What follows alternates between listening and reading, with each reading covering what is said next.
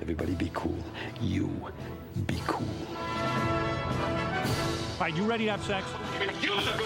We come in peace. We come in peace. You are the motherfucking Antichrist! We're gonna let you go, okay? Ok. Film er best på radio. I'm gonna make him an offer he can't refuse. Nova Noir.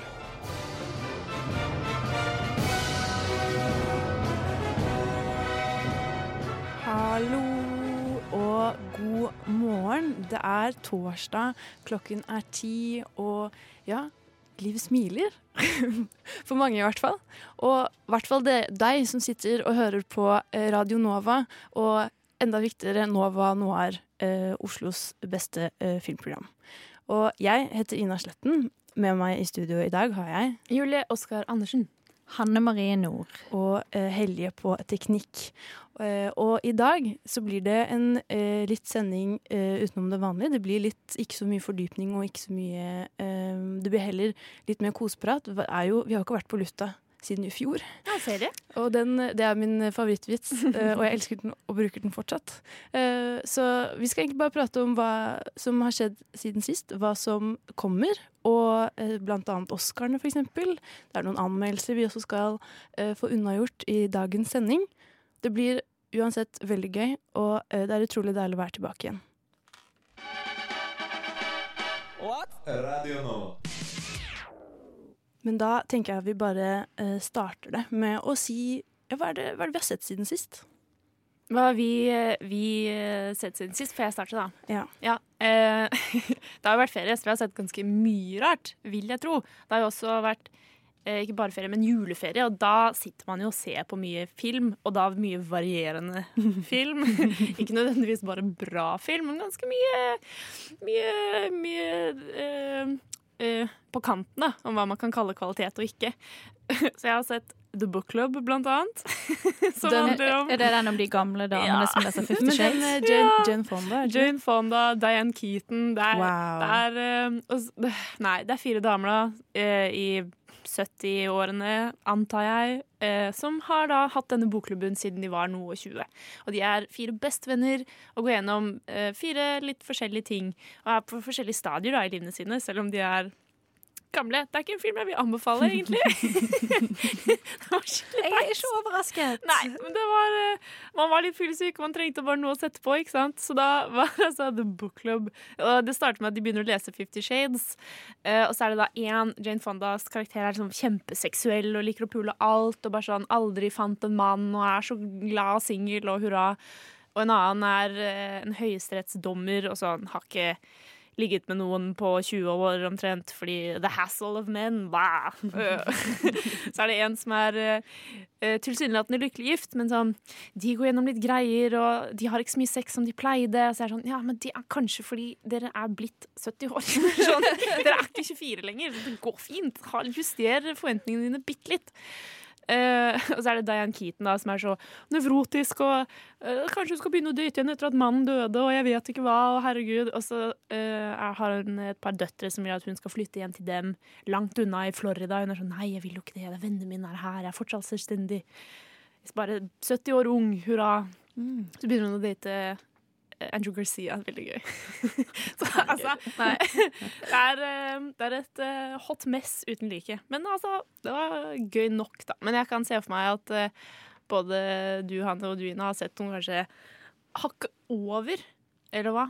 Jeg vil jo heller si tvert imot. Eh, og heller er nok på Wow! litt samme kjøre som deg. Jeg har jo eh, blitt singel eh, over nyttår, og da har jeg også da prøvd å finne disse filmer som kan få meg til å føle meg bra. Um, og da har jeg også ransaket internett for å prøve å finne Og den, en film som gjennomgående har vært på alle listene, det er Eat, Pray, Love. og jeg har alltid tenkt at uh, Eat, Pray, Love den har jeg aldri sett. Eh, Jeg har ikke noe imot Julia Roberts, men det bare det har ikke vært min greie. Så jeg, jeg satte på denne filmen, og jeg jeg kan, jo forstå, jeg kan jo forstå at den var kul når den, eller revolusjonerende på, på sitt vis når den kom eh, for lenge siden. Um, fordi det handler jo om en kvinne som Og det er det eneste jeg liker med filmen, er at hun er gift. Julia Roberts er, lykke, er gift, og så er hun veldig glad i mannen sin. Men hun skjønner at det er ikke her jeg vil være nå. Jeg klarer ikke dette. Det er ikke det livet jeg ville ha. Um, og bestemmer seg derfor for å skille seg fra han. Og det at hun faktisk gjør det, det er ikke sånn at hun ble dumpa, eller at han var utro, eller, det var, det var, eller mangel på kjærlighet heller, egentlig. Det var bare livssituasjon. Men ellers så er det en skikkelig dårlig film. Um, for hun er ikke litt karismatisk engang. Det er ikke noe som jeg syns er sjarmerende med karakteren til Julia Roberts. Så veldig gøy med damer over 50 som prøver å finne seg selv. Jeg tror ikke hun er over 50 i den. Nei, okay, jeg vet ikke tror hun er sånn var da, jeg, men- mellom 30 og 40. Ok, eh, Eldre enn oss, da. Ja, ja. Ja. Har du noen selvrealiserende damefilmer, eh, Um, Hanne? På Nei. Altså, tingen er at eh, jeg har eh, brukt eh, en del av julen på å vise min lillesøster på 13 litt sånn artige filmer som jeg liksom har satt pris på. Eh, og fant fram min gamle DVD-samling. Eh, og i den haugen der så var det én film som min søster ble mest interessert i. Det var She's the Man. Husker dere den? Yes. Uh, Bynes. med eh, prime Amanda time. Bynes, Channing Tatum. Å, Eh, uh, hvor hun later som at hun er en mann. Broren sin. Ja, fordi at hun ikke får spille fotball uh, fordi hun er jente. Altså, det er bare Det er så, det er så dumt. Oh. Uh, men det er- det men er- søsteren min elsket henne. Altså, sånn, hun syntes det var hun, jeg har lært henne opp til at det er lov til å synes ting er litt dårlig, men elsker det likevel. Så det Ja, er men liksom i den kategorien She's the Man faller. Men jeg føler at når jeg ser sånn som den og Mulan, så føler jeg også sånn Er ikke dette Og Jentel, for eksempel. Eh, filmer om kvinner som kler seg ut som menn og blir forelsket i andre menn, som også blir forelsket i dem. Så tenkte jeg, er dette egentlig eh, de beste bifile karakterene vi ikke visste at vi hadde? Jeg føler jo at de, Rollemodellene. Ja, ja. Mm. Det er jo, er jo egentlig De Men- forteller jo egentlig om historier om bifile menn. Ja, det er bifile menn, ikke sant? Ikke damer som kler seg ut som menn for å date menn. Men det er så dårlige filmer, da, så det er liksom ikke Ja, ja. noe med det. Men uh, det er litt gøy, da. Ja. Jeg viste hun også uh, Die Hard. Ja. Hadde hun Eh, ikke sett den før? Hun hadde ikke sett den før. Den var i, altså hun er kanskje litt sart, så den var i Ja. litt blodigste laget. Og særlig den scenen hvor han går barbeint på glasskår, var uh, mye skrik og hyl. Ja, Men eh, det var god. gøy. Men da har vi i hvert fall dette er, Vi har sett varierende kvalitet. Jeg håper, jeg håper du har sett bedre film i jula, kjære lytter. Det skal vi også eh, fortsette å prate om. Vi skal snakke om litt nyere filmer. Dette er jo vært litt eh, av den eldre sorten. Men ja, eh, i mellomtiden så skal du få lov til å høre Ut og bade av Yellow Roots. Du hører på Nova Noir. Hey, who do you think you are, anyway? Answer me, or I destroy you! Ja, da har vi pratet litt om det vi har sett siden sist, men vi har jo ikke vært på lufta uh, på ekte uh, siden desember. Og det har jo fortsatt kommet uh, mye filmer innimellom. Og vi i Nå Noir, vi eh, gjorde til og med og bestemte, eller fortalte hvilke filmer vi syns var best fra 2019, som ligger inne på Radio, Radio Nova sin nettside, som du kan lese der. Men denne listen gjelder jo bare fra desember til desember, på en måte, eller midten av desember. Så det er jo et par filmer som har uteblitt. Uh, og de filmene har vi lyst til å prate litt om nå, egentlig. Fordi, hva, Nevn en film du har sett, Hanne, som uh, har kommet nå nylig. Um, jeg tenker at Marriage Story fortjener at vi prater litt om den, jeg. Ja, fordi Fy faen. Herregud. altså, jeg får gåsehud bare av å tenke på den. Kvalitet, folkens. Uten tvil. Noah Bambak sin nye film 'Marriage Story', som er, er gjennom Netflix også, som er uh, ganske kult. Uh, og den gikk på kino i et par knappe uker. Ikke lenge nok, i hvert fall. For jeg hadde lyst til å se den på nytt på kino. Fordi det er noe Den er uh, Ja, den er lang, men Og den er veldig Det er mye veldig god dialog. Og da setter jeg i hvert fall pris på Og sånn, ikke bli distrahert av andre ting. Så jeg skulle veldig gjerne gått og sett den en gang til på kino, men jeg rakk det ikke. Altså, jeg skulle gjerne gått på kino og sett den en gang til bare fordi at jeg er så obsessed med Adam Drivers sin versjon av Being Alive fra Sunday Musical oh, ja. Company. Stemmer. Å, den er så fin. Han ble jo så lei seg Eller han, dø, han forlot jo et intervju fordi intervju, eller, ja, intervjueren viste Adam Driver har ekstrem angst. Han klarer jo ikke å gå alene på rød løper, for eksempel, for han eh, blir veldig stresset av seg selv. Så han klarer ikke å se filmer eh, av seg selv etterpå. Så han fikk jo helt packeren når eh, intervjueren skulle vise at han sang Um, Den noen burde sangen? få sparken. Det syns jeg er kjempedårlig Det er ikke greit. Ja. Fy faen. Men altså, nei, jeg, jeg, må bare, jeg må bare snakke litt mer om akkurat den. Fordi at jeg syns den beviser Altså Den fremføringen hans beviser at det viktigste ikke alltid er hvor fin sangstemme du har.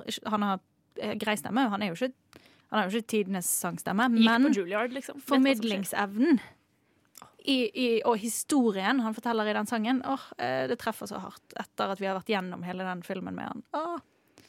Ikke for å være hun som bare snakker om bruddet sitt, men eh, jeg så denne eh, filmen eh, før jeg eh, slo opp med kjæresten min. Eh, og eh, ikke at jeg anbefaler det for at du skal finne ut av forholdet ditt, men den er så utrolig Du kjenner deg veldig igjen, da. Spesielt sånn det er mitt favorittdel av Marriage Story er i starten, når de har, de har skrevet ned på lapper, eller et brev da, til hverandre om de tingene som de elsker og hater med hverandre.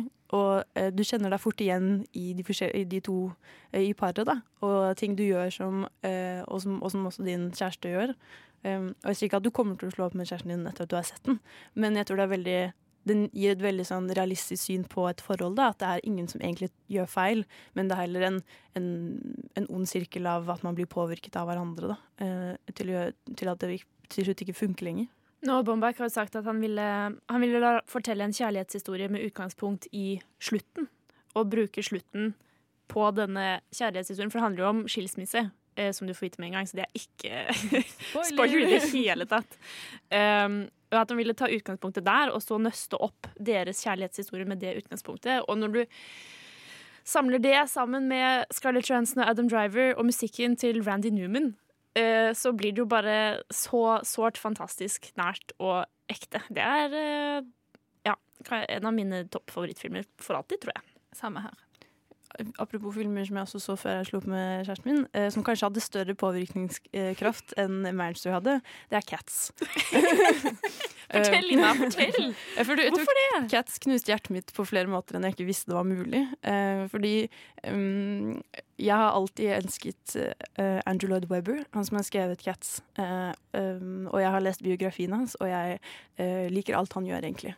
Og eh, jeg så, når denne traileren kom til Cats i, i sommer, så var jeg ekstremt gira. Jeg var, så, jeg var så fornøyd. Det var akkurat dette jeg ville ha, fordi dette er akkurat det Andrew Lloyd Webber ønsker seg. Det er bare jævlig weird, og eh, det kommer til å være helt fantastisk. Så når jeg skulle se Cats i, i julen, så jeg bare satt der helt målløs og eh, ekstremt lei meg, for dette er jo det dårligste jeg har sett på lenge.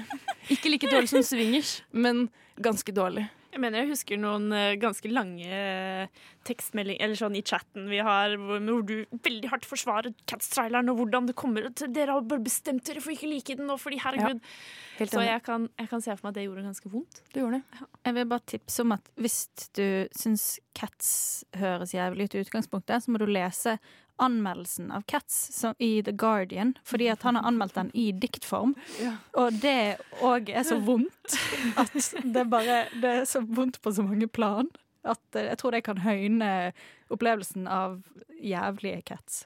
Ja, jeg, jeg tror det som var uh, det kjipe, var at um, jeg er så glad i musikaler. Og det er jeg litt redd for å si noen ganger, fordi folk syns det er litt teit. Og det er greit. Det, det er greit, jeg kan stå i det. Men det er det jeg tenkte da, at Cats, dette var muligheten vi hadde til å gjøre musikaler kult. Dette var, dette var liksom vår sjanse til Og så satset man alt det på Cats. ja, og så bare peiset på med eh, masse penger og CGI og eh, folk som kan synge, og folk som kan danse. Og så bare ble det helt forferdelig. Så nå føler jeg igjen at jeg sitter her og må forsvare hvorfor jeg er, elsker musikaler. Og så, ja, jeg bare føler det var utrolig dårlig gjort. Det ble litt vanskeligere å forsvare med Cats som sånn posterboy-musikalen. Ja. Ja, Nei, så det var, det var en skuffelse i julen. Det, ja, dessverre. Men eh, ja ja, heldigvis var det Vi har, kaster det bak skulderen, vi, vi skal ikke snakke om det igjen. Vi skal snakke om Marriage Story for alltid. Det, det skal vi. Det er det eneste som kom i julen. Det var det eneste bra Marriage Story alt som tales. Ja. Vi skal jo faktisk snakke mer om eh, Scarlett Johansson, eh, Ja. og, og kanskje også derfor Marriage Story litt seinere. Også, også Oscar, fordi Marriage Story har jo eh, heldigvis fått en, en haug med, med Oscar-nominasjoner. Så det skal vi også ta opp tråden på senere. Men det er jo ikke bare filmer som har eh, kommet eh, siden sist. Det er masse serier også. Og det skal vi også prate litt mer om. Men først så skal du høre folkemusikk av Lakes House. Nova Noir. Og da skal vi fortsette å prate om ting som har eh, kommet eh, eller premiert eh, siden sist. Og det er jo serier, som også er noe man fråtser i. Spesielt under juletider, fordi jeg vil egentlig ikke være på dette familieselskapet. Jeg vil bare ligge oppe i, i sengen min og eh, se på serier. Og det er jo kommet mye, mye gøy. Noe du i hvert fall har gledet deg ekstremt mye til, Julie. er Hvilken Rick and Morty. Det kommer jo teknisk sett ikke i jula, men jeg føler ikke at vi har fått pratet så mye om det, for nå er eh, halve sesongen ute. Men det kommer jo på Netflix eh, Det er i sant. midten av Eller i romjulen. Det er sant. Eh, så det har vært tilgjengelig for noen før, hvis man var villig til å finne det på stedet. Sånn ting og tang, skal vi ikke snakke så mye om, men det kom på Netflix, endelig. Eh, og da er det veldig, veldig gøy eh, når det blir tilgjengelig for alle. Og endelig, Rick and Morty er eh, tilbake for fullt. Det er jo bare halve sesongen som ble sluppet nå. Og resten kommer i 2020 én gang. De har ikke helt bestemt seg for når. Og det har vært litt, litt uh, splidende meninger om det var bedre før, eller det er bedre nå, eller hva er egentlig Rick and Morty, og når er det det er best, og alle disse gærne fansene som trakasserer McDonald's-ansatte, og det er sånn roper at de skal ha Szechuan sauce, og det er, eh, det er så drøyt, da. Eh, Men jeg synes at sesong fire er eh, skikkelig, skikkelig solid, og det føles bare som om de tar seg den tiden de vil, og den tiden de virkelig trenger for å lage den serien de har lyst til. Ikke den serien som den gærne fanbasen ønsker seg, og sånn skriver syke teorier om, og er helt harde over Reddit og bare sånn går helt bananas. Dan Harmon og just, si, sir Justin Roiland eh, bare de er litt sånn Nei, fuck it. Det er dette vi ville lage hele tiden. Nå har vi endelig avtalen på x antall Det er vel 70 noe nye episoder, så nå kan vi bygge den store fortellingen vi har lyst, i det tempoet vi vil. Og det setter jeg bare veldig pris på. Jeg følte at det jeg kanskje savnet litt i den, de fem episodene som har kommet, da, er at jeg følte jeg bygde opp en slags sånn Det er jo en, en litt unik eh, eller spesiell eh, familiedynamikk. Eh, og jeg føler det er det jeg syns har vært interessant å følge med på, hvordan det utvikler seg. At samtidig som de har disse små episodene, så ser man hvordan forholdet til foreldrene går skeis, eller hvordan søsteren Summer kommer litt mer og mer i det. Og jeg følte at det fikk jeg ikke så veldig mye av egentlig i de fem episodene som har kommet nå. Så egentlig det har jeg jo bare sittet og savnet litt. At det, det er det jeg føler jeg syns var veldig morsomt med, med Rick and Morty. Foruten det med at det er helt weird og out there. Det er så zany adventures. Altså, Eh, jeg sitter jo bare her som et eneste stort spørsmålstegn, fordi jeg, ikke, jeg har ikke sett noen ting. Og disse forklaringene høres jo helt gode Men ut. hvorfor har du Det har jo vært et, et fenomen. Har du bare ikke vært interessert? Jeg, jeg har sett én episode og var litt sånn mm, Men jeg var også sånn første gangen jeg kom innom det, for min dette temaet her, mine daværende kjæreste sa Å, Julie, du må se på dette, dette er så kult. Og så var jeg sånn Altså, En episode med han og gutta, jeg syns ikke det var noe gøy. Eh, kanskje fordi det ble litt farget av gutta, jeg vet ikke. Men eh, eh, Og så kom jeg til det på mitt eget initiativ senere. Med min egen timing, da, og da bare jeg slukte det. Jeg elsker det. Jeg syns det er så gøy. Og det tuller jo så mye med alle sci-fi-troper du noen gang har sett i hele verden. Og åpningstimen deres er jo en callback til Doctor Who. Sånn, det er jo det er veldig mye, veldig mye spennende og veldig mye gøy. Jeg skal gi det en sjanse til. Ja, fordi jeg måtte prøve å se det tre ganger. Eh, fordi jeg har et veldig sånn sterkt problem med smatting og raping og sånne type lyder. Og Rick Ja, har en helt forferd... Han raper og er ekstremt ekkel gjennomgående i hele serien. Og det å bli vant til det er for det første en veldig stor påkjenning. Det tar, tok veldig lang tid for meg. Men så, når du først kommer forbi det, og begynner å få, forstå greia, så føler jeg at da da er det, det er mer enn bare en tegneserie, liksom. Uh, Høres veldig ut som en sånn der Det er helt unikt, dere gutta. Men ja. Eh, ja, jeg fortsetter ikke overbevist, men jeg skal, skal heller gi det en Men sjanse. mens vi har sett Rick and Morty, hva er det du har sett på, Anne?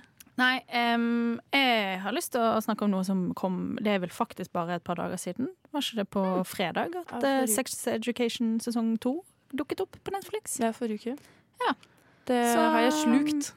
Ok, Hva handler det om? For jeg har ikke sett på det i det hele Sex. Education. Ja, men Det skjønte jeg da. Men i hvilket format? Og jeg vet altså at det er eh, eh, Gillian Gillian Anderson, Anderson, spiller som eh, er Ultimate Babe. ja, eh, Hun er moren til hva, Asa Butterfield, er det som spiller uh, Otis. Otis.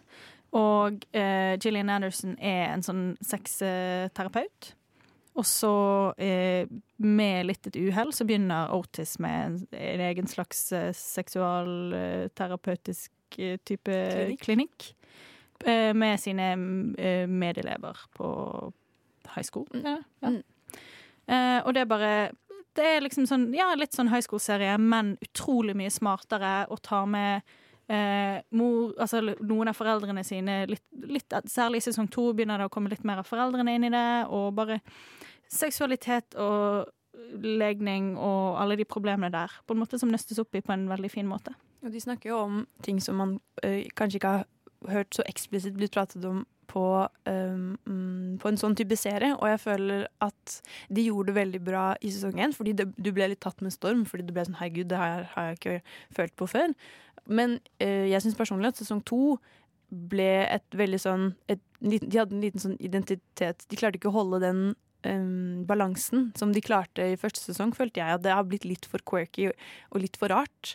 Um, og kanskje litt for enkelt enn det var i, i forrige sesong. Um, samtidig som For de har jo disse at det skal være så drøyt med For eksempel de snakker om analdusjing og uh, alle disse tingene som man ikke tør å spørre spørsmål om, fordi det er vel flaut. Uh, men samtidig så har de veldig mye intriger og, som kanskje tar litt fokus bort fra den um, de, de tingene som jeg syns var best med den. da Er det, en, er det drama, eller er det humor? Humor. Humor.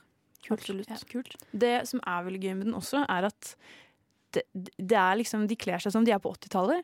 For de har ekstremt sånn uh, crazy klær og mye farger. Og det syns jeg også sånn, var veldig bra i sesongen, som de har kanskje tatt, de har litt for lang tid nå i sesong to også. Fordi husker I sesong én så tenkte jeg ikke så veldig mye over det, men så var det etter hvert i noen episoder så var det sånn Oi, shit, de har egentlig på seg litt rare klær, liksom. Litt sånn unaturlig. Men så har de fortsatt smarttelefoner. Og, øh, mens i sesong to har de også dratt den litt for langt, hvor de går i veldig mye fargesprakende klær og har liksom TV-er som er sånn øh, like store som en brødrister. Som er litt sånn samtidig som de sitter med disse iPhonene og sånn. Og da blir jeg litt sånn Dere trenger ikke å dra den så langt, på en måte. Ja, nei, jeg vet ikke, det er ikke Sesong to var ikke mm, perfekt, den heller, men jeg koste meg kjempemasse. Og Absolutt. Sitter sånn og ler og roper litt til skjermen. Og er sånn nei, nei, nei, nei, nei, nei, dette kommer til å bli så sinnssykt pinlig! Ah, ikke gjør det! Og litt sånn da. Men, eh, men det som jeg syns er veldig fint, er at nå etter hvert, etter to sesonger, så begynner de å ha representert veldig mange sånn de har til, altså seksualiteter og at det er flytende, og eh, eksempel at det går an å være aseksuell er med sjøl. Altså sånt, og noen som på en måte sliter med litt at det er så mye fokus på sex hele tiden. Og da syns jeg det er kult at i en serie som handler om det, så har de også rom for at noen velger å bare ikke være interessert Eller ikke velger, men bare er ikke interessert i det. Absolutt, og det er en veldig viktig serie. Sånn, det er jo Mm. kult at man kan ha en teit tenåringsserie som også klarer å prate om alle disse voksne Eller ikke vok, det er jo ikke det, det er ikke så voksent. Det er jo en, en del av eh, hele livet, egentlig. Eh, å tenke på disse tingene og føle på alle følelsene. Og det at de klarer å sånn flette det sammen på en veldig søt og morsom måte, er dritkult. Så Mm. jeg heier absolutt på mer av Sex Education. Det gjør jeg. jeg Vi kan, Hanne, vi kan inngå en avtale. Du ser fem episoder Rick and Morty, jeg ser fem episoder Sex Education. Greit. Det er greit? Ja. Ok. Wow, det er et nyttårsforsett. Uh, Oh, og- Du hørte det først her på her. Men uh, da skal vi faktisk uh, ut og bi oss ut på vår første anmeldelse. Men først skal du høre 'Masser meg' av Lekende lett. Ukas kinopremierer.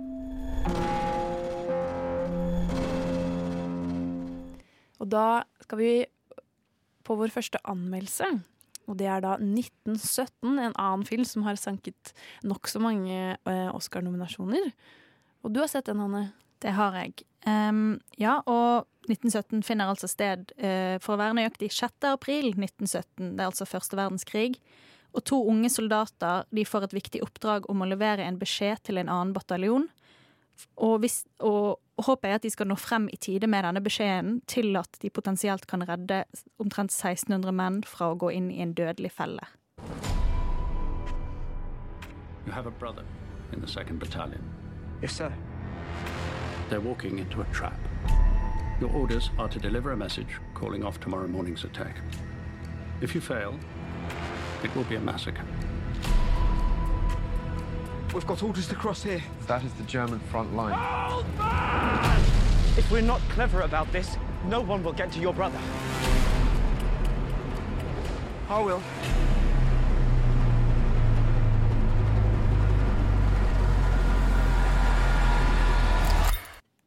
Er det jo Colin Firth, jo? Ja. Um, ja. Uh, så filmen starter altså med at uh, Blake, som er spilt av Dean Charles Chapman, aka Tommen Baratheon fra Game of Thrones, um, får beskjed om å velge en mann til å bli med han på et oppdrag. Uh, han vet ikke hva oppdrag det er, han får bare beskjed om å gå og snakke med denne karakteren spilt av Colin Firth. Um, og da tar han med seg en fyr som heter Schofield, som er spilt av relativt ukjente George Mackay. Eh, og de får altså beskjed om at de skal levere denne eh, beskjeden. Eh, og at, fell, at de skal avverge den fellen. Og det som gjør upper the stakes, er at Blake sin bror er en del av denne andre bataljonen, og det er nok derfor han blir valgt, fordi at han blir litt ekstra ivrig på å nå fram i tide. Og dermed blir det veldig fort veldig spennende. Eh, for de skal ta seg over et sånt livs... Altså sånn her no man's land som tyskerne før har dominert, og de får beskjed om at tyskerne har dratt sin vei, men de er ikke helt sikre og må snike seg fram, og bare sånn Du sitter veldig mye og venter på at noe skal skje, at det er noe farlig eh, som kan skje.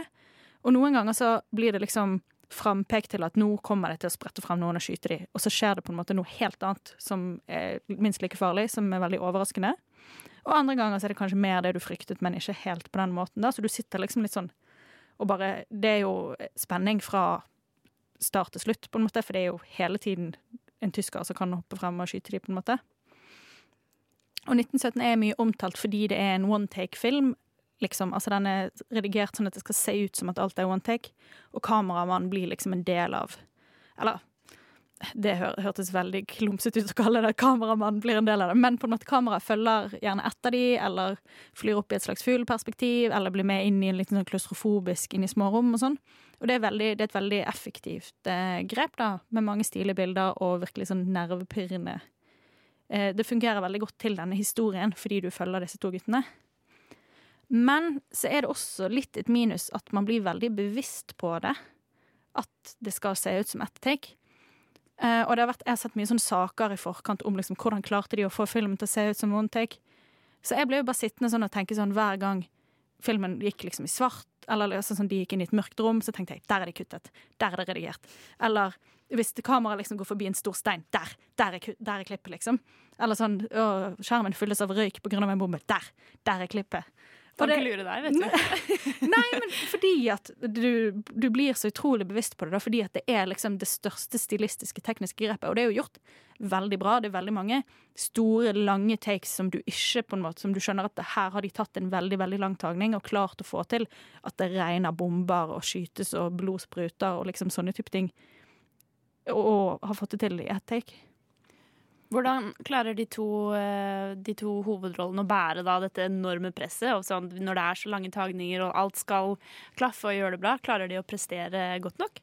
Ja, jeg, jeg syns at de eh, er veldig flinke. De er jo på en måte forholdsvis anonyme. Du blir ikke kjempegodt kjent med de, bortsett fra at han ene som spilte han som spiller Tommen Baratheon, er litt mer sånn gutteaktig sjarm og litt sånn prøver å fortelle historier for å holde god stemning, mens han andre han har allerede vært gjennom et stort slag og er litt mer sånn alvorlig og, og sånn passer litt ekstra på farene og sånn, da. Eh, men jeg syns de er veldig flinke skuespillere, begge to. Eh, og altså Ja, for du følger jo veldig tett på de. Så jeg tror Og det som er interessant, er jo at de er eh, I forhold til veldig mange andre eh, skuespillere som dukker opp i veldig, veldig små roller, så er disse her ganske ukjente. Fordi vi har jo med Colin Firth, og så dukker Mark Strong, Andrew Scott, Benedict Cumberbatch og Richard Madden opp i sånn én scene. Sånn Ja, å ja, plutselig så var Andrew Scott der. Å nei, gud, det var Benedict Cumberbatch som var han, ja. Bare sånn, Og det er jo både positivt og negativt. Litt gøy, fordi jeg hadde ikke sett på hele rollelisten. Så jeg var litt sånn ah, Neimen, neimen, er du her? Men, men, samtidig så blir du tatt litt ut av det. Fordi at du blir bevisst på at å ja, nå var det plutselig en stor stjerne med her. Jeg tror det jeg lurer mest på, er eh, i en sjanger krigsfilmsjanger som handler ofte om tapre unge menn og deres krig og deres våpen og deres kameradskap og du må redde verden etc. etc. Uh, ganske Det er ikke rent få filmer som har disse samme temaene og eh, den historien som blir fortalt, da. Men føler du at 1917, blant annet med sitt stilistiske valg, klarer å bli noe litt mer enn bare en annen ny krigsfilm som er stress fordi det er krig? Mm, for det som er, er at den, det er det tekniske som er det mest på en måte spennende her.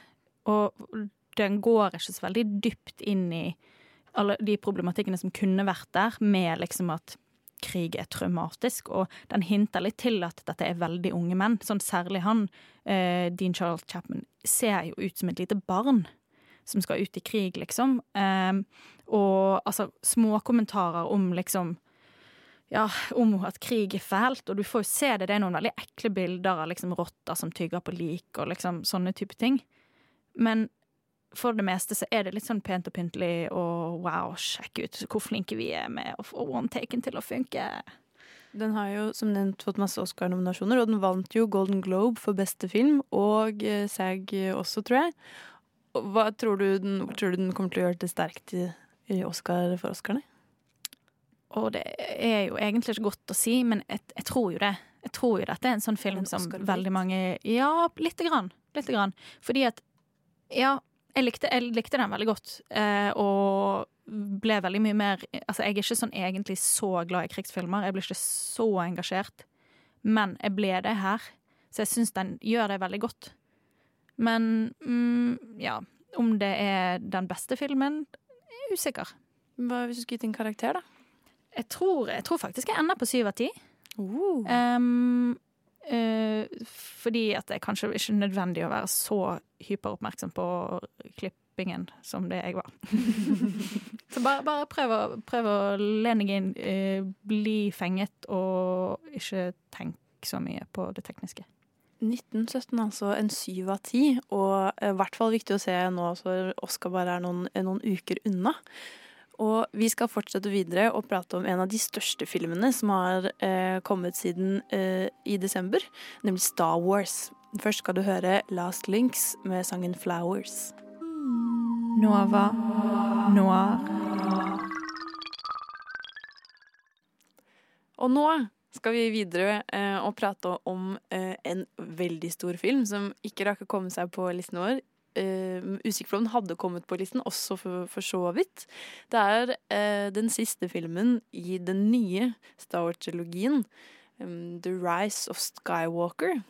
Og den kom jo ja, i midten av desember, typ. Og uh, man har jo mye delte meninger. Noen elsket den, noen hatet den. Eh, jeg personlig syns at det var Jeg koste meg, husker jeg, underveis i filmen. At jeg ble sånn dette, Jeg koste, koste meg mer under denne enn jeg gjorde av den forrige, eh, tror jeg. Men det Ja. Jeg tror i hvert fall Men så forstår jeg også kanskje hvorfor folk ikke koste seg så mye. Hva med, hva med dere?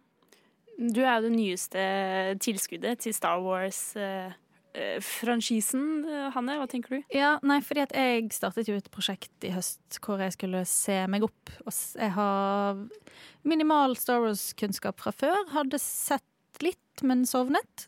Og denne gangen så tenkte jeg nå skal jeg se alt uten å sovne. Så um, um, Altså, eh, ja, litt sånn nøytral. Jeg syns det, var- syns det var gøy. Det var veldig gøy å se på kino. Det var den første Star Wars-filmen jeg har sett på kino, og det gjør seg jo på stor skjerm og med stor lyd. Absolutt. Det gjør jo at man blir veldig mye mer engasjert og dratt inn i det, og det er jo veldig visuelt. Særlig åpningen syns jo jeg var sånn wow, veldig visuelt fin. Det hjelper jo som regel å ha det på storskjerm i Coliseum. Å få Adam Driver rett opp i fleisen. Det skader aldri. Men jeg føler det er sånn gjennomgående med alle de siste, i hvert fall de siste tre, at det har vært ut- utrolig estetisk pene filmer. Det er veldig, veldig gjennomført, da. Eh, Og de har virkelig sånn tatt i bruk det at det er en film folk kommer til å se på kino, og det er, skal være verdt det. Um, og det føler jeg eh, er noe av det beste som den nye teologien liksom har fokusert på. det. At bare sånn, det, skal, det er så vakkert alt sammen, egentlig. Men det er jo litt synd da at, at, at det er det estetiske og det pene som er det beste, kanskje. For jeg føler at det er det som ligger Det er litt under her. det er vi, Ja. vi prøver å finne pene ting å si om den, og det er mye fint å si, men det var også kanskje litt i det store og det hele, nå som alle tre er ferdig, eh, og den sjansen de hadde til å fortelle en historie ble jeg vet ikke, rota litt bort underveis, kan jeg, kan jeg føle. Jeg føler jo at den led veldig av, som man kaller det, damage control. At JJ Abrams skulle på en måte rette opp da alt Ryan Johnson gjorde eh, i gåseøyne feil. Og det ble altfor mye fokus på det, at han liksom skulle fikse ting og gjøre opp, eh, gjøre opp for det. Og jeg vet jo at de forrige Star Wars-filmene også har hatt forskjellige typer regissører, men her har det vært utrolig mye fram og tilbake. Og den siste her jo, har jo vært prat om forskjellige regissører flere ganger. Så jeg føler jo ikke at eh, Det har vært en liksom splittet uh, arbeidsfordeling her, da. Ja, nei, jeg, jeg, har jo ikke engang fått med meg liksom kontroversen rundt om det forrige film var dårlig eller ikke sånn. Det var en av de jeg likte aller best, for å være helt ærlig. Men eh, så jeg kommer jo inn der som en sånn Star Wars-idiot som ikke kan noen ting, og bare koste meg. Det var jo på en måte det som var tingen med den, at den er veldig annerledes fra alle andre Star Wars-filmer. Og prøvde å også drepe mye av de Det som jeg syns Jeg skulle ønske de aldri hadde liksom brakt liv i Star Wars igjen. Jeg skulle ønske de bare kunne la Star Wars ligge, og at det kan fortsette å bli et helt fantastisk univers som det har blitt gjennom bøker og tegneserier og annen type law. Men eh, Star Wars er ekstremt belastet av at det er gammelt. Det er noen intense blodfans som har eh, meninger om alt. Og det er også et, ja, masse regler og ting du må følge da, for at det skal være riktig. Mens det er jo utrolig kjipt, fordi science fiction er jo den kuleste sjangeren, nettopp fordi man kan gjøre hva man vil. Er, du trenger ikke forklare det til meg engang, fordi jeg vil ikke vite hvorfor denne tingen gjør på denne måten. Det bare er fordi det er i fremtiden, og ting funker på en helt annen måte i verdensrommet. Og det er det hele Star Wars har blitt, at det skal være, alt skal være så riktig som det alltid har vært. Og det, det, blir så dumt, syns jeg. Det blir så veldig paralyserende. og Veldig mye arrestering og veldig mye sånn gatekeeping og sånn. Du er ikke ekte fan hvis du ikke så de på kino, de originale, og herregud, og det er så mye ditt og datt, og nå er de fansene blitt voksne, og endelig er liksom deres ting mainstream, for det var det jo ikke så mye da på samme måte i det hele tatt. Og da blir man jo veldig, vil man jo veldig gjerne beskytte noe man identifiserer seg så sterkt med. Men så er det liksom litt viktig å skille det som faktisk ikke er så bra, og sånn at de castet en uh, dame og en sort mann i hovedrollene. Sånn, det er ikke det som er problemet med Star Wars. Uh, så det er liksom viktig å liksom bare skille historiegrep som kanskje ikke funket så bra, og ikke mobbe de faktiske skuespillerne til å uh, forsvinne fra sosiale medier og bli deprimerte. For det, det, er, ikke, det er ikke greit. Nei, og som på en måte er helt ny til det hele, så virker det meg, på meg som veldig dobbeltmoralsk å komme og kritisere de nye filmene, når det strengt tatt er ganske mye man kan begynne å kritisere i de gamle også, hvis man først skal begynne å ta tak. Altså, det, det, er jo ganske mye som er ganske dårlig der også. Men jeg føler jo at folk bare har glemt at Star Wars er trash. Og sånn, Jeg elsker ja. Star Wars med alt mitt hjerte, og jeg, jeg, det står meg så nært. Og jeg kan alle filmene utenat, men sånn, til og med originale det er litt trash, det også. Ja. Det har aldri vært sånn dritbra, og det er derfor jeg aldri heller har forventet at det skulle være sånn wow, shit, ass. Fordi jeg vil bare at det skal være gøy, og at det skal være rart og uh, bare kunne Men så har du jo mistet det også, da. Nå er det veldig seriøst. Nå er det veldig sånn dette er det beste av det beste, liksom. Og det orker jeg ikke. Det er bare pengemaskinen som står og snurrer og skal selge Lego og leker og merch og Disney som tar helt av. Men, de, uh, det er jo gøy med disse porgiene, da. Nei, de er veldig søte. Fy faen. Vet du hva? Det var også grunnen til at jeg ikke likte den forrige i det hele tatt. For ah, ja. det er den mest, minst kreative karakteren jeg har noen gang har sett. Det er en pingvin som de har slengt på et eller annet sånt Å, jeg hater de! Ok, men Ina, Ina Uh, hvis du kan velge Star Wars uten Porgies, det er det de heter? Ja, de der, eller Jar Jar Binks. Du må velge. jeg hadde valgt Jar Jar Binks hver dag. Jeg, synes, jeg, jeg, vet jo at han er problematisk, og uh, jeg syns veldig synd på han som spilte Jar Jar Binks, for han har hatt det helt jævlig de siste årene. og sånn. Han har jo pratet masse om at han burde ta selvmord og sånn, fordi folk var så slemme han. Men jeg syns Jar Jar Binks er mye bedre. Han har i hvert fall en personlighet. Ja, og... Jeg har sett plakaten din på veggen. altså, jeg må bare få skyte inn at jeg begynte jo med den filmen på en måte. Altså, jeg, etter, du tok den original, du ja, tok rekkefølgen? Jeg tok, rekkefølge, jeg tok kronologisk rekkefølge, jeg. Så når jeg da begynte, og så får jeg Jar Jar Binks, så var jeg sånn Hva i helvete Er det dette jeg skal se ni filmer med. Er det dette crappet her? For den filmen er, det er crapporama, det. Men motvekten er Ewan McGregor, så du må Og Darth Maul. Jeg står, slår alltid et slag for episode én. Eh, undervurdert ekstremt. Og Darth Maul er kanskje den beste karakteren fra Star Wars-universet. En Veldig undervurdert fyr. Han er ballettdanser i virkeligheten. Kult. Men ja, i hvert fall den nye filmen som kom nå, det var noe deilig med at nå er det i hvert fall Nå er det Nå er det over. Nå er det over. Men jo, Men det er jo ikke det, fordi eh, Ryan Johnson har jo fått, skal jo få en trilogi til. De, men de fikk jo også The Mandalorian gjør det jo veldig bra. Og, men de fikk jo etter Solo Solo gjorde det jo eh, kjempedårlig. Eh, fordi det også det var på sommeren, tror jeg, men også fordi folk ikke var interesserte. Og de hadde jo egentlig liksom dette imperiet med eh, Star Wars-filmer lagt opp. Men så etter at Solo ikke gjorde det så bra, så har de satt veldig mye på is. Eh, og det er litt fint, eh, fordi jeg treng, trenger ikke noe mer akkurat nå. Jeg tror det, det går bra. Um, ja. Jeg kan i hvert fall si etter å ha sett alle ni filmene på veldig kort tid, så det er nok. Offisielt. No, no, vi takk, takk for oss, det er nok. Det, holder. Vi er mette på Star Wars. Gi deg. Du kan eh, tygge litt på den mens du hører på eh, Ros og sangen 1, 2, 3. Er det en thriller eller er det komedie? Det splatter eller er det en tragedie? Er den dårlig, vant den Oscar, eller er det noe du kunne ha filmet selv? Er den skummel og må ses om dagen? Er den trist og gir deg klump i magen? Når ble den laget, og ble det klaget av familie og venner da du satte den på? 20 spørsmål men nå var noe annet. Er du klar for å gjette hvilken film jeg tenker på? Ja, ja, ja, ja. Velkommen, kjære publikum, til 20 spørsmål her på Nova Noir. Deltaker Ina, deltaker Hanne, er dere klare? Ja. Oi, så gira! Ja! Kan Jeg er bare veldig seriøs. reglene? Gi meg en, Nei, en vi tar det for røkkerens skyld også, da, dere. Jeg tenker på en film. Dere får 20 spørsmål. Dere er altså på lag mot meg, sant? Dere får til sammen 20 spørsmål eh, til å gjette hvilken film jeg tenker på. Så da må dere ta av dere headsetet, og så skal jeg hviske til lytteren.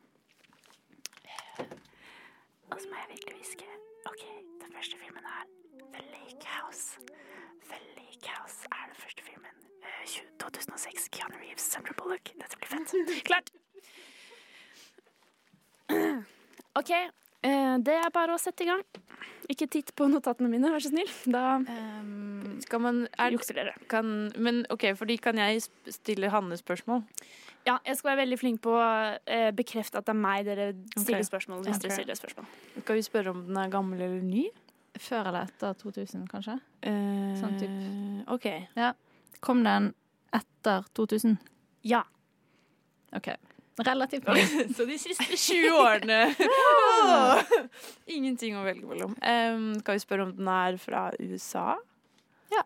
Er, Julie, er filmen fra USA? Ja. OK. Er det animasjonsfilm? Nei. OK. Live action USA-film fra 2000-tallet. Det er ganske Um, Svært le- Ingen Jeg filmer som er sånn. jeg føler jeg må stille et veldig noir-type spørsmål nå. Ja. Er Keanu Reeves Ja! med? yes! Oh, wow. Fucking busted. Nå Er klarer dere på under ti spørsmål. tror jeg. ja, handler det, er det en science fiction-film? Nei. Ja. Fem spørsmål er brukt. Er det en del av en serie? Nei. OK. Seks spørsmål er brukt. Kan jeg bare pulle opp Nei, du Keanu kan Reeves? ikke, du kan ikke juks. Ned med PC-er, ingen mobiler tillatt. Uh, kommer det en oppfølger av denne filmen? Nei. Snart? OK. Men The Matrix, da, jeg mener, hvor vilt er ikke det? Nei, jeg mente Hot Tub. Ja. Mm, Eller nei, jeg, Unnskyld meg. jeg mente den Bill eh, and Ted. Bill and Ted. Hot Tub Time Machine er noe helt Ja, annet. beklager. kan ikke sammenlignes. Altså ikke Hot Tub, nei, det er ikke spørsmål, det er ikke spørsmål ut i det hele tatt. um, Sju spørsmål er brukt. syv spørsmål er brukt. Keanu Reeves. Men jeg kjenner at jeg har ikke sett så mye. Er, er han hovedpersonen? Uh, ja. OK. Er det John Wick? Nei, det er ikke det! Ikke still spørsmålet! Du så på meg, Nei! men jeg skal la det gå. Fordi jeg spurte om det er en del av en serie. Ja. Hun sa nei. Jeg lar det gå. Så- Selv om det var veldig dårlig Ja. eh, Men jeg lar det gå. Det går fint. Mm, Åtte spørsmål. Å, eh, er, spiller han eh, sammen med en Phoenix-bror i Nei. Ikke My Own Private Idaho. Nei, ja, ja. Veldig fin, da. Ja, veldig fin. Rest in peace. Phoenix River. Ja. Ikke Giant Phoenix. OK, nå må vi, nå må. Tenk hvis, tenk hvis det var sånn vi liksom breaket Jeg nyhetene om at Joaquin Phoenix var død etter masse folk. har, du ikke fått, har du ikke fått meldingen, Har du ikke sett nyheten? Nei, nei, han lever i beste velgående, nå er folkens. news eh, Nei, OK. Videre. videre. Mm. Kom igjen. Kom igjen. Men, men, oh, oh, er det en eh, romantisk film? Ja, det er det. Spørsmål ti. Er det den derre uh, Hva er ah, det er ikke Jeg føler jeg vet uh, Sliding doors, et eller annet eh? Jeg Det, det må du er, sliding, er han med i Sliding Nei, Doors? men det er en sånn sånn-ish film. Men hva betyr en sånn ish-film? Han er hovedpersonen. Er du sikker på at vi har sett den? Dere burde, vi- altså, hvis dere liker Keanu Reeves, så burde dere jo vite om den, i hvert fall. Vite om den? Um, Ok, ok, Siden det har gått ti spørsmål, dere kan få et tips. Ja. Uh, det er en leading lady. Hvis dere klarer å finne henne, så hjelper det ganske mye. OK. eh, det er ikke Jo, det var en romantisk film. Mhm. Ok, Så det har ikke noe med, med tog å gjøre, for eksempel? Nei, Eller jo, det har litt med tog å gjøre. Ikke veldig mye, men eh, ikke, kanskje ikke den tingen du hinter til. Ikke, ikke spint. Det går veldig sakte. Det var to spørsmål, Ina. Nei, bare tulla. Ja vel. Nå må jeg bli litt strengere. Jeg har ingenting å bidra med her inne, jeg beklager. Ja, dette var dårlig. Eh, Men det var jeg som tenkte på Keanu Reeves først. Da, så. det, Sånn sett var du veldig flink. Dere skuffer meg egentlig. eh, hvis dere ikke Om dere ikke har sett den, så vet har dere, sånn, dere vet at det er en greie. En romantisk film Med Keanu, med Keanu Reeves. Hvem er den andre Personen. hovedrollen? Dere var inne på det. De har spilt, det, de har spilt sammen flere ganger. Flere ganger. Så hvem? hvem? Å, herregud. Ok, det burde være en tidsbegrensning i tillegg til spørsmål, for dette går jo ikke. Nei. Gir dere opp? Prøv litt til. Prøv å finne, prøv å finne The Leading Lady. Kom igjen. Keanu Reeves og Sandra Bullock. Ja! Wow! Men det er jo speed! Det er også Herregud, vi, har åpenbart, ikke sett Nei, den, Julie. nei, det er greit. Uh, vi skal altså frem til The Lake House. Har jeg ikke sett. Nei. Å, dere skuffer Men det var meg! mente. Det var det jeg mente med sliding doors. Ja, men du måtte, du måtte jobbe med det, da, vet du. du kan, jeg kan ikke bare gi det til deg når du ikke er det sier hvilken han, film det er Er det den når han dør? Nei, de bor, i forskjellig, de Men bor var i forskjellig tid. Hun bor Ja, to år frem i tid, og han bor to år bak. Og sender brev til hverandre. Der er hot mess! Wow, det var dritt. Ok, okay, okay men sorry, kan vi vi få en mulighet til å rette opp denne Redemption, det er Ja. greit. Uh, av med hodet.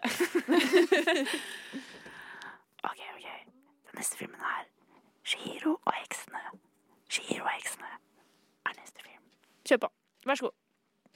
Well, Ok. Here we go. Eh, 20 spørsmål. Er det en versjonsfilm? Ja. Nice.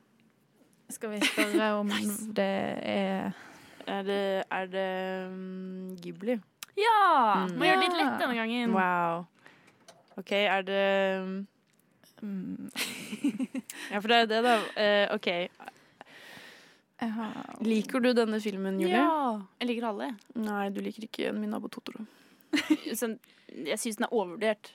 Men det er ikke min nabo Totoro. Okay. Men jeg, jeg liker den. Det var spørsmål tre. Ok. Og gratis freebie. Ikke Um, ja, OK. Handler det om um, et, et, et ungt barn, på en måte? Under, ungdom, et barn under åtte år? Nei. Ikke Ponyo, da. Uh, og handler det Er det en jente som har hovedrollen? Ja. Altså, Fem spørsmål. Er det Spirited Away? Ja! Wow. Yay! Hvorfor valgte du en så lett film? Fordi dere tydeligvis ikke Jeg trodde ikke dere var så eh, besette som dere påstår. Ja. Men grunnen til at jeg valgte Ski og heksene, er fordi, gjett hva, jeg vet ikke om dette gjelder Norge i veldig stor grad, men jeg håper jo veldig det. Men de kommer på Netflix. Ghibli-filmene. Kommer på Netflix. Hvor vilt er ikke det? Endelig ble de overbevist av Netflix' store distribusjonsnettverk. De har jo blitt eh, flørtet med av mange streamingtjenester, men sagt nei fordi jeg har ikke følt det har vært helt riktig. Men nå kommer de fuckings til Netflix. Da Det skal, blir en da jeg se meg litt opp der òg, fordi hadde, hadde ikke det vært Spirited Away, så hadde ikke jeg hatt så mye å komme med der. Ja, det var det jeg tenkte. Vi har jo faktisk eh, en egen Ghibli-sending eh, under beltet, så eh, Way det back. er også en mulighet å gå litt eh, tilbake igjen i arkivet og finne den. Riktig. Med deg og Tage. Jeg fant også en ny podkast som heter The Gibliotek, som var veldig gøy. Det, hvor de tar hver film og snakker i sånn 20 minutter. Altfor lite, men uh, det er det man har, da. En liten, en liten anbefaling der på tampen av uh, 20 spørsmål. Jeg er middels uh, imponert over vår egen innsats, eh, Hanne. Eh, det er åpenbart eh, noen hull her. Eller Definitivt. er det egentlig det? Pile of shame, baby. Ja, ja. Men eh, uansett, eh, nå skal du få lov til å høre eh, Vox Pop av Elliot Power. Du hører på Nova Noir. Og det har kommet en film. Denne filmen hadde jo premiere forrige uke, så vi er jo eh, litt sent ute eh, til å anmelde den. Men jeg syns fortsatt det er verdt å, å ta en, eh, en liten prat om den, fordi den er jo, som eh, lignende de andre filmene vi har pratet om i dag, eh, Oscar-nominert, og eh, kommer fra en regissør vi er svært glad i her i uh, Novo Noir, og det er nemlig Jojo Rabbit av Taika Waititi. Here's Marshal Jojo. You're our top man. Prepare to leave the house. Today, you boys will be involved in such activities as war games, ambush techniques, and blowing stuff up. I don't think I can do this. You know what I am? Say. A Jew. Gesundheit. Sheesh, that was intense. What am I going to do? No idea. Got it! I was Burn down the house and blame Winston Churchill. Da fikk du en liten eh, smakebit på eh, Georgia Rabbit, som ja handler om eh, en liten kid, eh, eh, Johannes, eh, og spilt av Roman Griffin Davis. Eh, en liten, et helt utrolig søt barne, barnestjerne eh, som spiller Jojo. Og han elsker eh, Han bor i Tyskland. Eh, hans fantasivenn er Hitler. Og eh, hans største drøm er å kunne være med i krigen og slåss for eh, fascisme og eh, nazisme. Det høres jo ikke ut som den triveligste filmen, men det er kanskje Det er jo brandet som en komedie. Og det er også veldig stjernespekket. Du har jo da han Roman Griffin Davis og eh, Thomasin McKenzie som spiller en, um, en jøde, men du har også Scarlett Johansson, Taika Waititi spiller Hitler, uh, som han har sagt fordi han ikke fant noen andre til som hadde hadde lyst på jobben. Uh, og Sam Rockwell er med, og eh, Rebel Wilson av alle er også uh, å kimte. Eh, og jeg så denne forrige uke, og jeg hadde jo mye høye forventninger, nettopp fordi Taika Waititi eh, er så kul. Han har jo lagd Thor Ragnarok, men også Hunt for the Wilder People. Og har en litt distinkt, rar, litt absurd måte å lage film på. Eh, og det er jo akkurat det du får, du får i eh, ja, George Rabbit. Du har også sett den, Hanne? Ja, jeg har det. Um, og det er jo litt sånn Du forventer at du skal le når du ser en «Take Taika Waititi-film, men du setter deg liksom i kinosalen, og så kommer det liksom naziflagg og symboler og en liten gutt som øver på å si Heil Hitler med sin fantasivenn Hitler som står og liksom heier på han. Og så er det liksom litt ubehagelig å le først, fordi sånn, du skal ikke le av dette, men så er det så dumt. Og liksom Taika Waititi med sånn fake blå øyne og den dumme barten. At du, du må le. Eh, når jeg husker jeg så den, så tenkte jeg veldig mye på eh, Life Is Beautiful, eh, som kom for, for lenge siden. Eh, den eh, han som handler om han faren som drar på eh, konsentrasjonsleir med sønnen sin, og må da prøve å finne glede og later som det er en lek, da. Eh, og det er liksom det å tulle med noe veldig sensitivt og gjøre det eh, Sitte og forvente at publikum liksom skal sitte og kose seg da, mens de ser på eh, helt forferdelige, brutale ting. Og det, George Rabbit er jo Jeg, følte ikke at den var så veldig drøy. Det var veldig mye prat om eh, nazisme og tulling med, med det, men jeg følte ikke at de liksom De viste jo ikke egentlig hvor fælt det var. Det var mer bare et innblikk i en, en, liten, en liten gutt som tilfeldigvis levde under andre verdenskrig, på en måte. Klarer de å, å da eh, balansere da det alvoret og eh, realiteten med humor og absurditet? Eh, for jeg føler ofte at Taika Waititis filmer har jo et ganske solid emosjonelt senter. Eh, men eh, vil dere si at det samme gjelder for Jojo Rabbit? Jeg, det som jeg ble sittende igjen med etterpå, og som jeg ble litt jeg er litt skuffet over, egentlig, at jeg følte at den slet nettopp med den balansen uh, av å både gjøre det morsomt og ha denne dybden.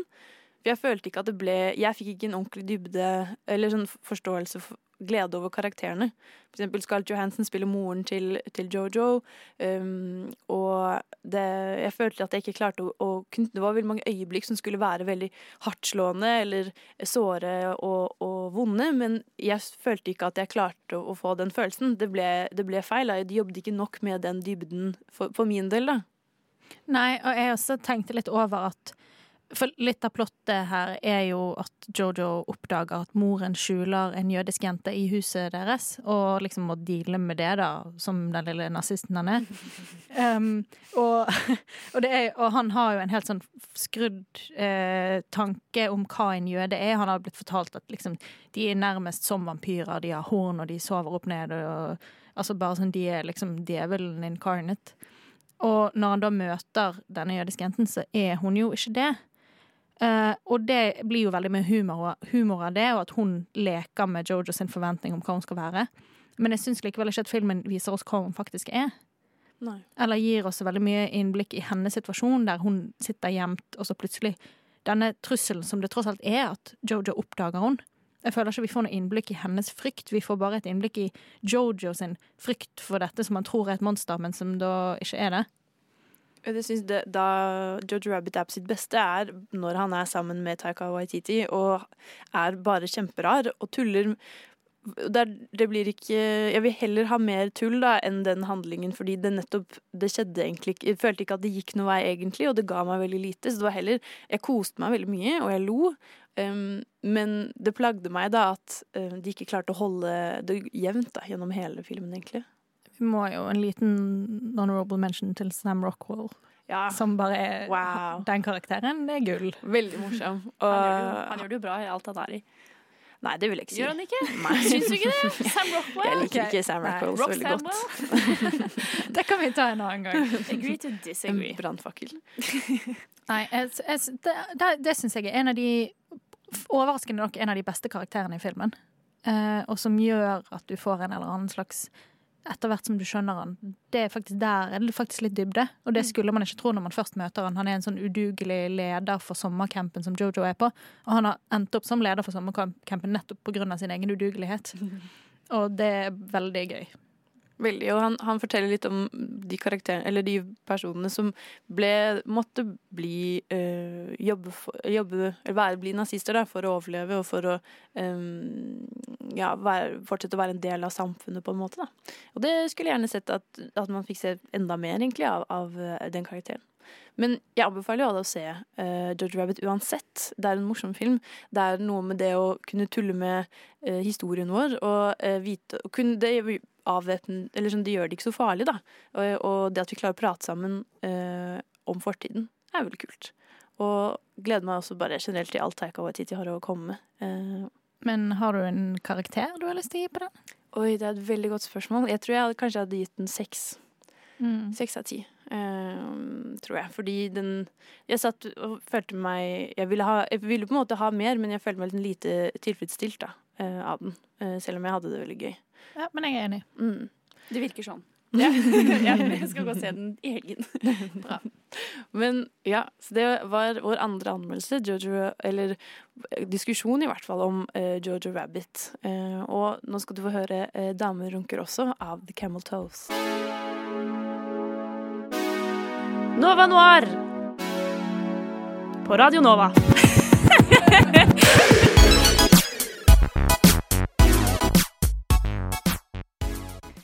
Og sånn som vi har pratet om gjennomgående i uh, hele denne sendingen, er jo at mange av de filmene vi har pratet om, er jo, jo Oscar-nominerte. Uh, og det Oscar er jo ikke langt unna. Det er uh, første mandag i februar. Og vi kommer jo som alltid til å være oppe og følge med som hauker på hvem som vinner hva. Men Da har jo som alltid eh, folk som er misfornøyde, folk som ikke eh, føler at deres film ikke fikk plass, eller eh, føler at noen filmer ikke har fortjent all den oppmerksomheten den, den de har fått, da. Og det er jo også igjen et prat om at Oscarene er veldig, lit, veldig dårlige på dette med kjønnsbalanse, og egentlig å sette lys på minoriteter, da, eh, generelt. Det er jo, eh, bare for å si det på directing, en, en, relativt man, mannesterk eh, cast der. Mye pikk. Det, det er rett og slett eh, Det er rett og slett utrolig provoserende også med tanke på hvilken eh, regissør som burde vært nominert i denne Best Director.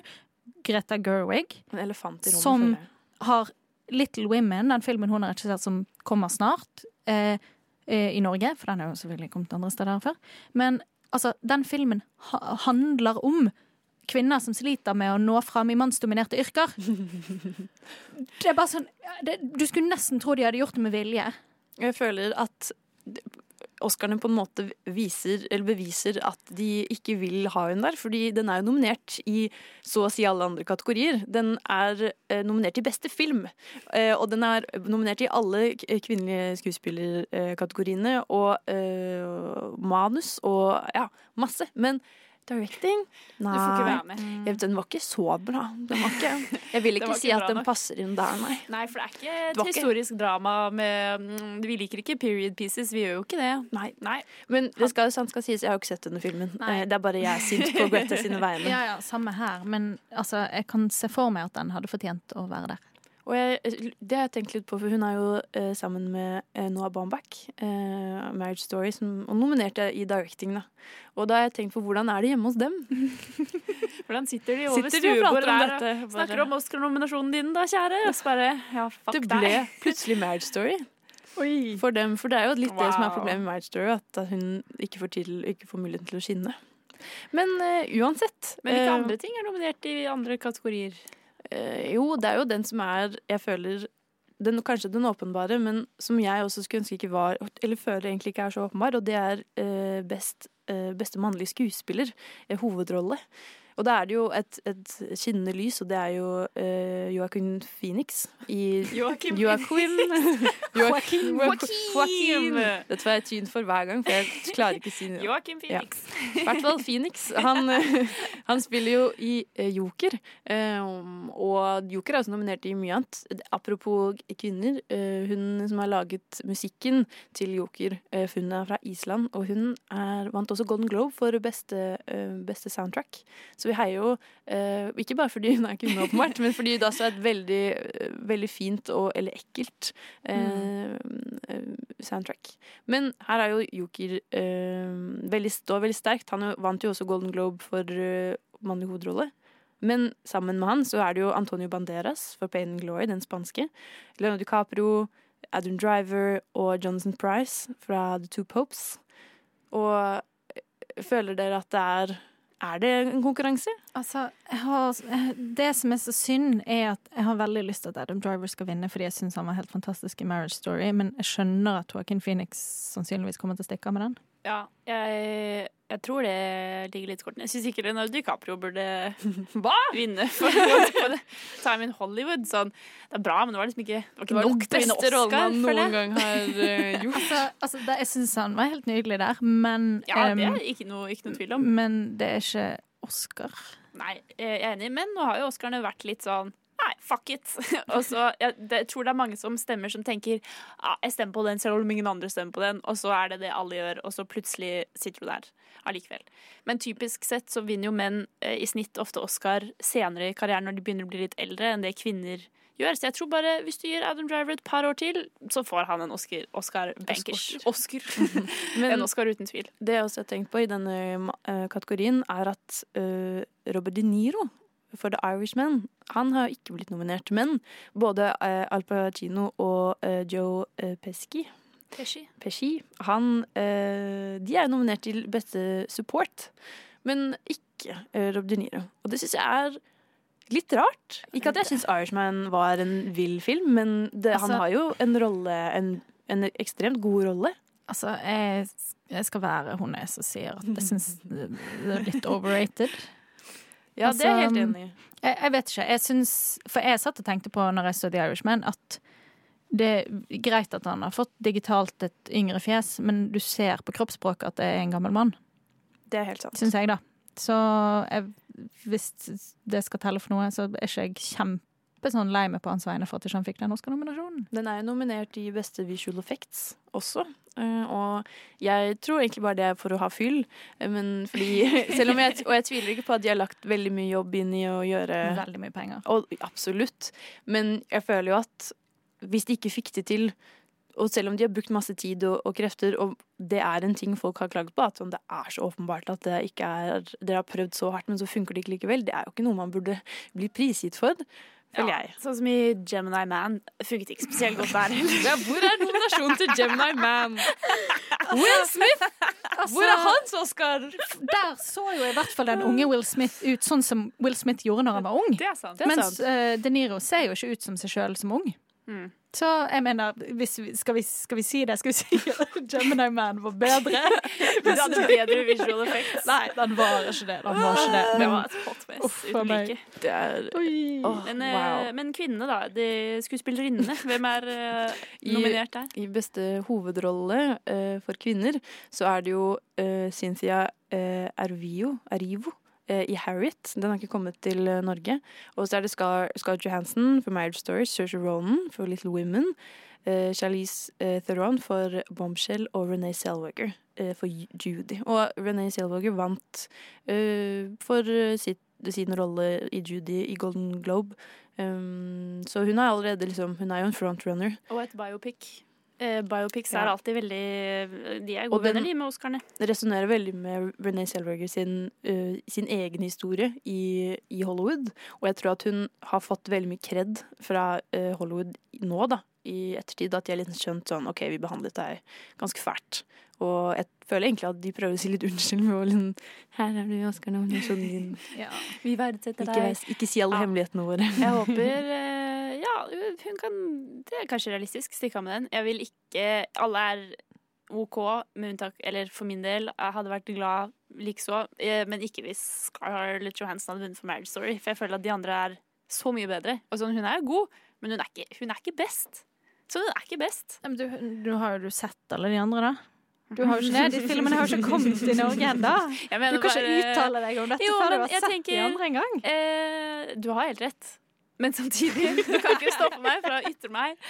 Uh, og jeg tror det er jo mange som stemmer som har forutinntatte meninger om hvilke skuespillerinne de, de ser jo ikke bare på prestasjon, de gjør jo aldri det. Det handler jo, som Ina sier, om sånn Å, Renee, vi er så lei for det. Vi skal Her er plasteret på såra, du en Oscar. Det er jo så mange tilfeller hvor skuespillere vinner Oscar for feil film fordi de syns det var flaut. Ja, nettopp. Syns det var flaut at de ikke vant for riktig, så da prøver de å gjøre det godt igjen senere. Men hun er jo også, Scarlett Johansson er jo også nominert til beste support eh, for Jojo Rabbit. Det er litt mer overraskende. Ja, det syns jeg var rart. Um, fordi jeg følte ikke at hun hadde en, en spesielt viktig eller fremtredende rolle i, i Jojo Rabbit. I hvert fall ikke en Oscar-verdig, hva enn det betyr. Em, prestasjon, føler jeg, da. Det var ikke det første jeg ville gjettet, nei. Altså, det var jo, hun gjør jo en fin rolle, og jeg syns hun har veldig sånn god komisk timing og sånn, men um, ja. Mjau, mjau. Men hun står jo der sammen med Laura Dern, som også er nominert for, Marriage Story. Hun spiller jo en uh, skilsmisseadvokat uh, for Scarlett Johansson. Og hun vant også Golden Globe uh, for beste support. But why? Hun det- er jo bare seg sjøl. Ja, jeg vet det. Det også, men, så det er jo en, en ting da i denne kategorien i år at er det egentlig så veldig store prestasjoner i denne i år? Ja, det er liksom litt, litt tynt. Men det er jo en større diskusjon om hvilke roller som blir skrevet for kvinner, og hvilke historier de får lov til å være en del av. Og kanskje fordi man ikke har nok kvinnelige filmskapere til å fortelle og lage de gode, ai, store, ai. utfordrende historiene. Men eh, jeg kom på eh, en ting sånn avslutningsvis. Hva hvis Big Little Lies og Married Story egentlig er i samme univers, hvor Laura Dern er samme karakter, for hun er en working lady? Kanskje det egentlig er eh, dagsjobben til eh, Laura Dern i Big Little Lies. Det tror jeg. Du tror det? Ja, jeg tror det. Er det i Julie Det er helt verden? canon, ja. Stemmer. Du skal få lov til å tenke det. Jeg skal ikke stoppe deg. Ja. Jeg kan bare eh, prøve. Vi har i hvert fall splittede meninger da, åpenbart om, om Scarlett Johansson, og hvorvidt hun fortjener å bli eh, Oscar-nominert. Jeg har til og med stilt meg eh, spørsmålet er eh, Scarlett Johansson årets Lady Gaga. Men dette skal vi kanskje Det kan du tenke på. For vi skal snakke mer om Scarlett Johansson eh, i, etter en liten låt. Og det er nemlig Hike sin Magazine.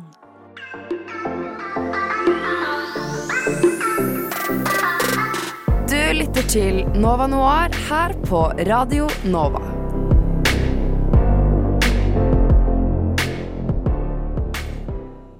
Vi nevnte jo i forrige stikk at Scarlett Johansson er nominert i to kategorier. Både eh, beste hovedrolle eh, og, eh, birolle. For Marriage Story og Jojo Rabbit. Men er det, er det egentlig sånn det burde være? Er det, er, fortjener hun egentlig det? Er det Jeg synes det sier litt om uh, årets uh, Oscar uh,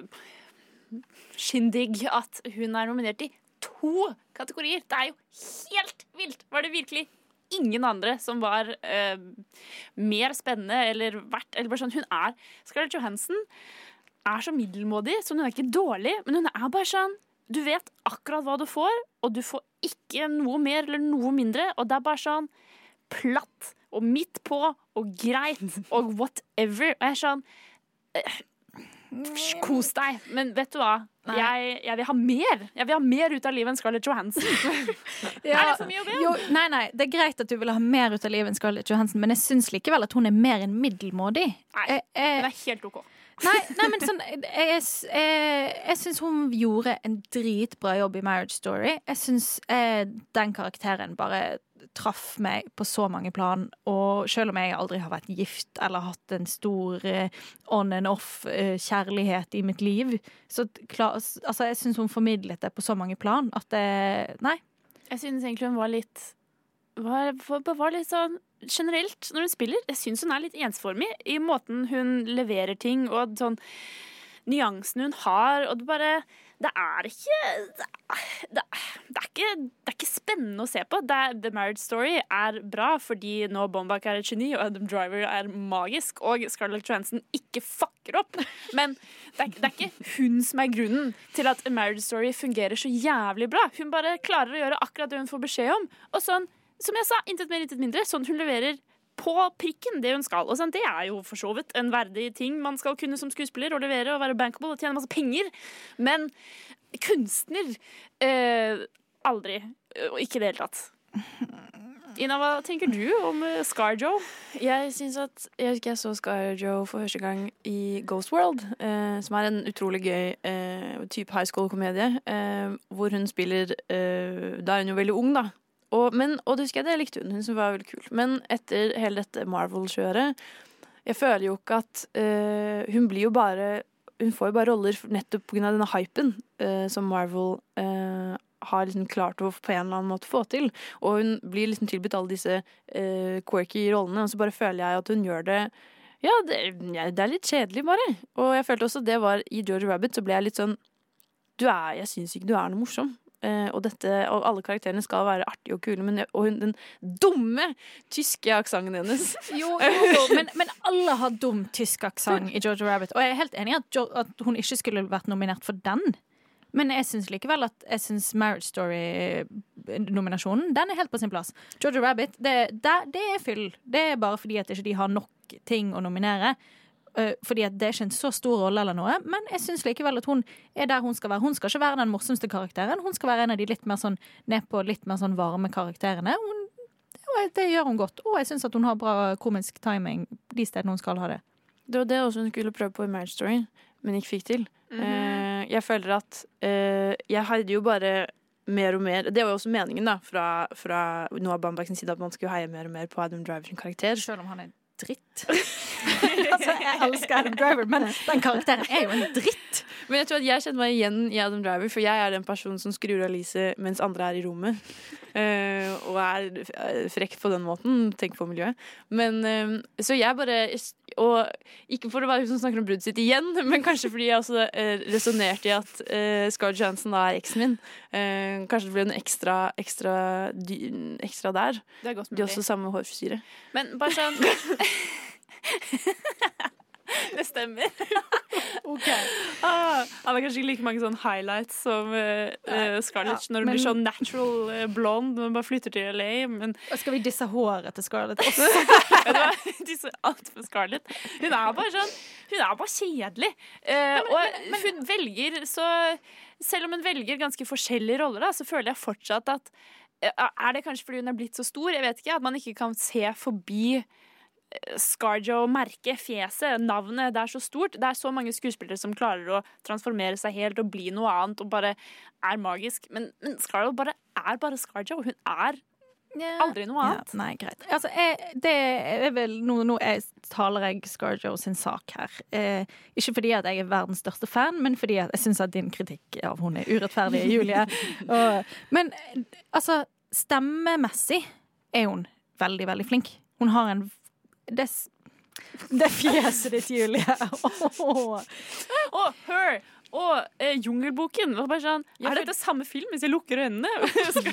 det er null forskjell på, på slangen K og Samantha. Jeg gir opp. Jeg følte personlig, ikke for å uh, prate om her, men jeg følte også at den uh, kjemien Eller sånn, jeg følte ikke stemmen hennes passet i det hele tatt uh, til den karakteren hun Og det, hun skulle jo aldri være den personen heller. Det var egentlig spilt inn med en annen dame. Um, og så var regissøren sånn Dette funka ikke like bra som jeg trodde, så vi bytter ut og får Scarjo i stedet. Og det funka heller ikke. Så ja. Uansett, jeg syns at Scarjo Hun har blitt nominert. Det er allerede gjort. Greit nok. Vi kan ikke, vi kan Sånn ikke gå det. tilbake men, på det. Men vi må svare på spørsmålet. Er hun Lady Gaga i år? Ina, du kan få konkludere. Jeg føler at uh, absolutt at uh, Scarlett Johansson er en, er en uh, sår tommel uh, i, i de nominerte. Jeg føler ikke at hun eh, har på samme måte fortjent sin plass. Men det er hun ikke helt alene om heller, da. Det er jo også eksempel dette med Laura Dern eller um, Ja. Og jeg føler at hun ved siden av Renee Zellweger og uh, Charlize Theron blekner veldig, da, eh, i forhold til de rollene de har utført. Eh, og derfor tenker jeg at så lenge hun ikke vinner, er jeg veldig fornøyd. Det hadde blitt litt som da Jennifer Lawrence vant for Silver Linings Playbook i 20... Det er Jennifer Lopez. Hvor er hennes nominasjon for Hustler? For eksempel. Hustlers. Det hadde vært mye morsommere enn uh, Scarjo. Min nemesis. Nå har Få vi- se deg gjøre det bedre da, Julie. Ja, jeg kan godt Put my Noah Baumbach-film mot Adam Driver. Jeg kan lett gjøre en bedre jobb. Da hadde du ment at dere aldri skilte dere, da. Ja. Ok, Men uansett, uh, hva enn som skjer, Scarlett skal aldri vinne. Eh, dette er en PSA fra uh, Nova Noir, som nå har herved offisielt ikke støtter uh, støtter. Ikke støtter, støtter Scarlett Jansen lenger. Vi er veldig glad i deg, Keanu, men Scarlett, Keanu? stay away. Ja, jeg, jeg er veldig glad i deg. Ja, Uansett. Unnskyld. Nå eh, skal du få høre en låt til, nemlig 'Divine Intervention' av PVA. Du hører på Nova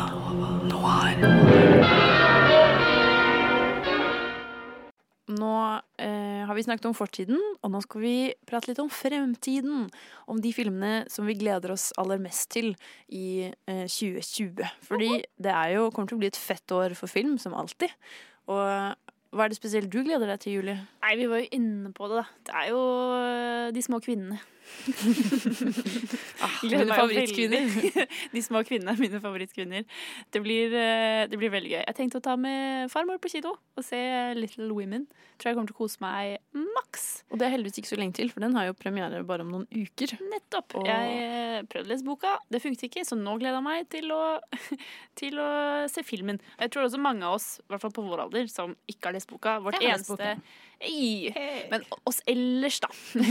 Vi ukulturerte plebeier, vi eh, som ikke har peiling. Vårt eneste referansepunkt til handlingen i Little Women er det som skjer i Friends når Joey, Joey bytter bok om å lese Little Women og putter den i fryseren når ting blir trist.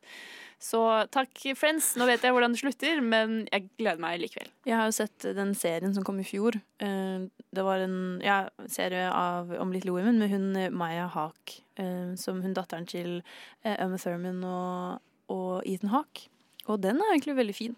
Og, så jeg kan jo eh, hele, hele plottet. Og jeg håper at Og jeg har all, setter all min lit på at Greta, Greta kommer til å gjøre en utrolig jobb på å fortelle uh, de kvinnene og sin historie. Ja, hun har jo et stjernelag av kvinner som spiller i den også, Ja, så det blir ganske nydelig. Gleder meg også veldig til å se Shersha Ronan og Timothy Chalamet igjen på skjermen. Kysse eh, og sammen. være sammen. Veldig cute.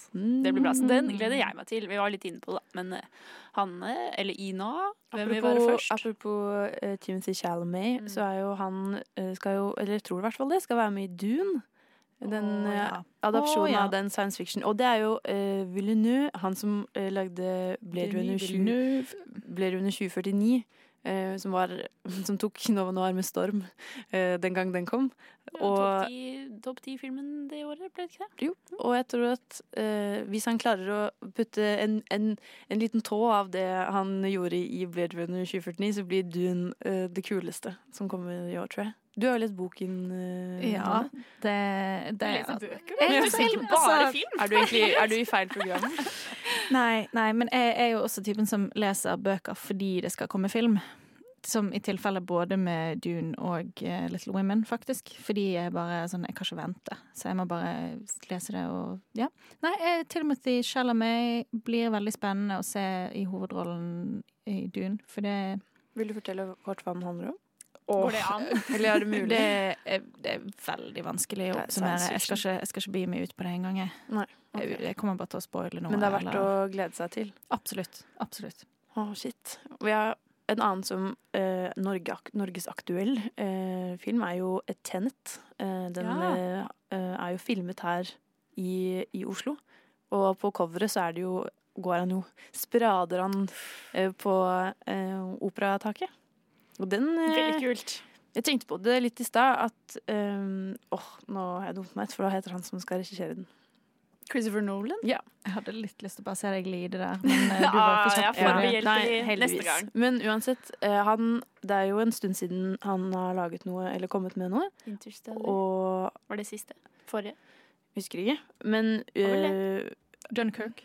Ah, ja, ikke glem Dunkirk. Dunkirk. Det Ja. er jo bare to-tre år siden. Ja, ikke så lenge. hvis jeg hadde vært Christopher Nolan, eh, som jeg ofte tenker på at jeg kunne vært, så lurer jeg på at det må jo være veldig slitsomt å alltid lage så gode filmer. Fordi jeg kan ikke tenke på en Christopher Nolan-film som er dårlig. Og da er det jo sånn som dette med Tenet, at den må jo være bra. Og hvis den ikke er det, så føler jeg at hele bildet Christopher Nolan knuser og eh, forsvinner. Han er jo veldig glad i å leke med persepsjon, altså oppfatning og virkelighet, og leke med ting som stemmer og ikke. Og i Inception fikk vi drømmer, eh, og i Interstellar var det tid. Og nå blir det også tid, men i en annen skala, da, fikk jeg inntrykk av sånn man kan gå bitte litt tilbake i tid og gjøre ting før det skjer. Kanskje litt typ Minority Report Report-opplegg, jeg vet ikke. Men uh, uansett, jeg er veldig gira. Det sjekker alle boksene av ting jeg syns er kult og kan virke spennende. Og min ultimate babe eh, Jeg har mange av disse, men eh, det er Robert Pattinson. Han skal jo ikke være hovedpersonen, men han skal likevel være med. Og eh, jeg gleder meg så mye, fordi det at han sakte, men sikkert bare er med alt nå. Uh, Sånne The Lighthouse. Og, ja, han får endelig lov til å gjøre alle de filmene han ville. Og det unner jeg han alt. Og jeg syns han er uh, så flott, så jeg, og jeg gleder meg til å se han også i, i The Batman. Den tror jeg ikke kommer i 2020. Da. Nei, det tror jeg er lenger til. Mm. Men uh, ja, nei, det Vi blir, gleder oss uansett. Det blir nydelig. Du blir det. Jeg håper jeg. Jeg kommer til å bli så lei meg hvis den er dårlig. Og like lei meg som jeg er for at jeg fikk vite dagen etter at de hadde vært og filmet på operaen at jeg kunne ha vært med. Da fikk jeg beskjed om sånn Å, opsi, jeg skulle jo ha sagt ifra til deg. Og så var det sånn Da er det bedre å ikke nevne Nei, det. nei, nei, du skulle ikke fortalt meg at det var, det var en sjanse engang. Jeg kunne stått der. Jeg kunne, kunne sikkert drømt om å ta på Robert Pattinson sånn et par meter unna. Og bare. Nei. But no. Nei. Ikke tenk for mye på det. Dessverre. Det går bra. Ja, Men du kan jo drømme om Robert Pattinson eh, mens vi hører på en liten låt, eh, Hanne. Vi skal nemlig høre på Verdensrommet, en time i en grå dag.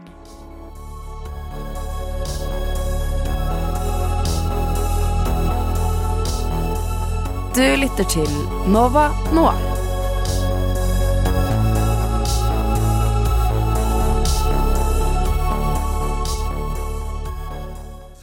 Og da har vi nettopp hatt den eh, første offisielle sendingen til eh, Nova Noir i Nå 2020. Er vi tilbake? Blir ikke kvitt oss. tiårets første sending unnagjort. Check. Og det har vært en fryd. Eh, Vi har anmeldt eh, 1917.